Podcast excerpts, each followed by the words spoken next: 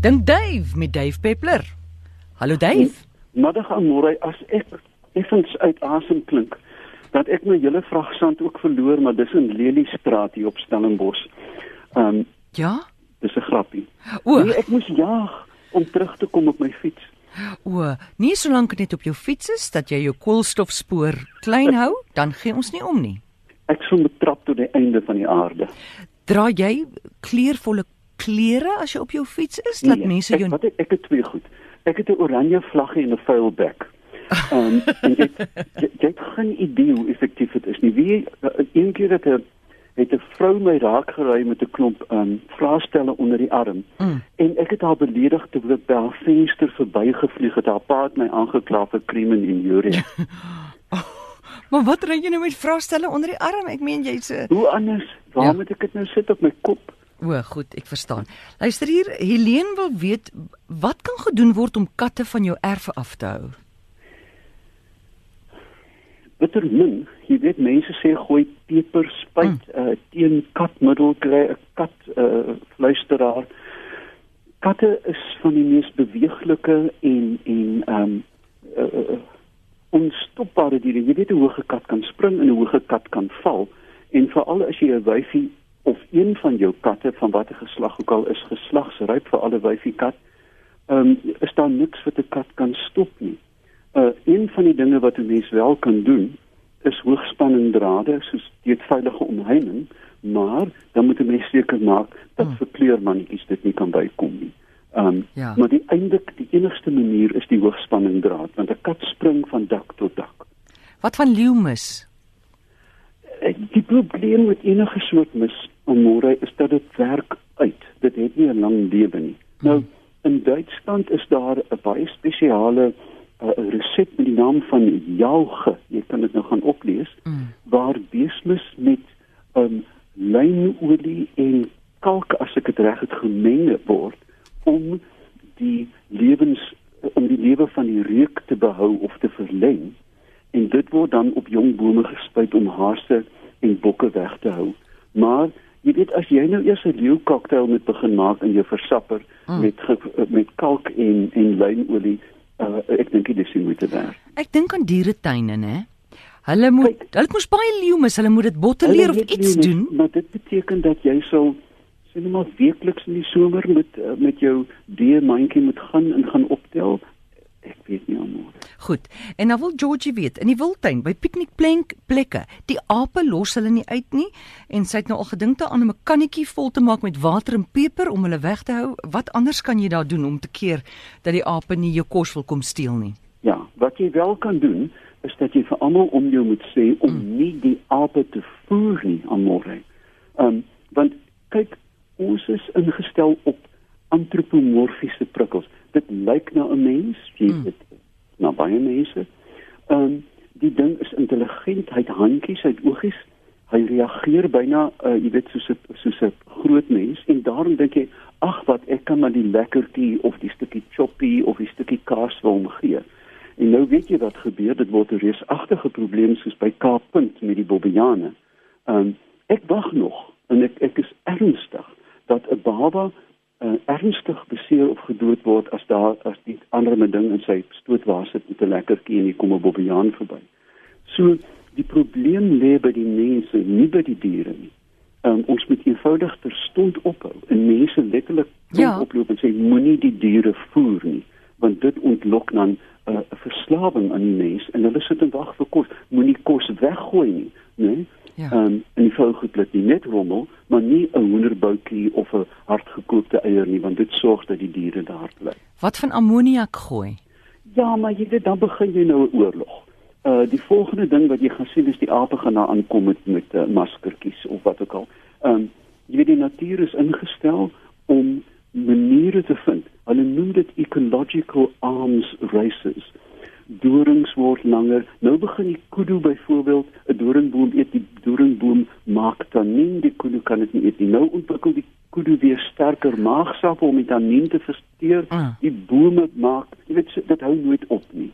Um jy natuurlik kan jy, jy kan met met uh, verfballetjies met la- harde geluide, maar dit is nie wat jy doen in 'n diere ag in in in in die wildtuin. 'n wildtuin, né? Jy gedraai jou en daarom kom dit altyd terug na die gedrag van die mense. As hulle ophou voer, gaan die ape ophou bedel. Goed, Charlotte, goeiemôre. Goeiemôre, môre. Yes. Ek wil altyd hy vra en so aan, hoekom is dit nie so vreeslik koud as dit sneeu nie? En as dit nou klaar gesneeu is, dan is dit verskriklik koud. Ek is nou die ou wat daai boodskap ingestuur het en so van die sneeu teen Hoofberg pas.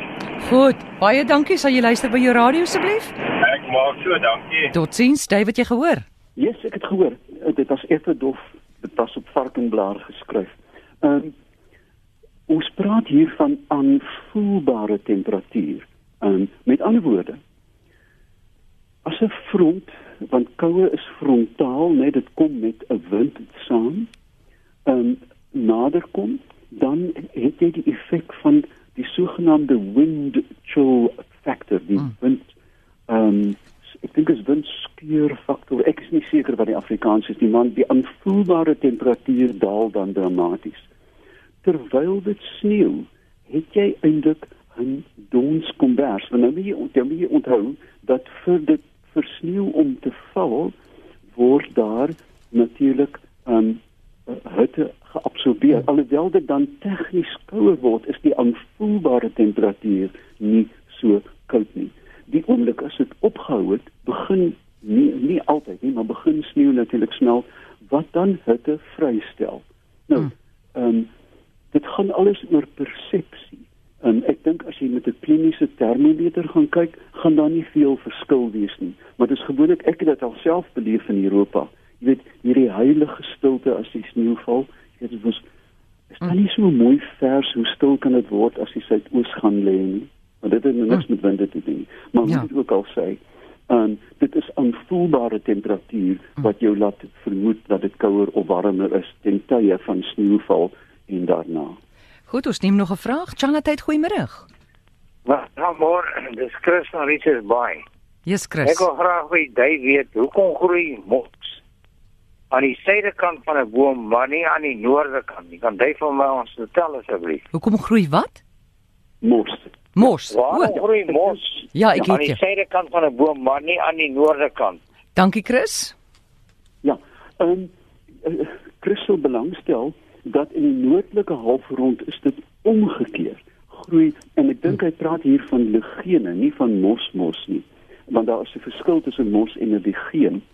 En 'n mens sal vind dat meeste van die ligene het 'n voorkeurkant dat hulle nie van die van die warm kant van die sonkant hou nie, maar wel uh, van die suidekant wat dan meer die, die verdamping is laer laer daar en daar's meer beskikbare vog. So as jy na die trope toe gaan, groei die mos op die ligene reg om die boom en hoe verder jy noord en suid beweeg, uh, is hulle gewoonlik aan die skadukant. En jy kan ook wat interessant is, die samestelling en die verspreiding van hierdie mos kan jy koppel aan lugkwaliteit, lugkwaliteit. Met ander woorde, deur net na die ligene te kyk, kan jy voorspel in hoe mate die lug besoedel is. Goed, laaste vraag hier van Tony. Hy sê of jy al gehoor het van die woorde interstellar travelling wat maar basies reis is tussen planete en sal Ja. ons dit nog in ons leeftyd kan doen? Ek twyfel aan môre. Jy weet ons moet net na twee goed hier kyk. Ons moet kyk na um die eenhede wat ons gebruik om afstand te meet. Nou, as ons binne ons eie sonnestelsel beweeg, praat ons van astronomiese eenhede. En dit een astronomiese eenheid is die afstand tussen die son en die aarde. Nou, dis 'n dis baie ver, dis 'n 150 miljoen kilometer.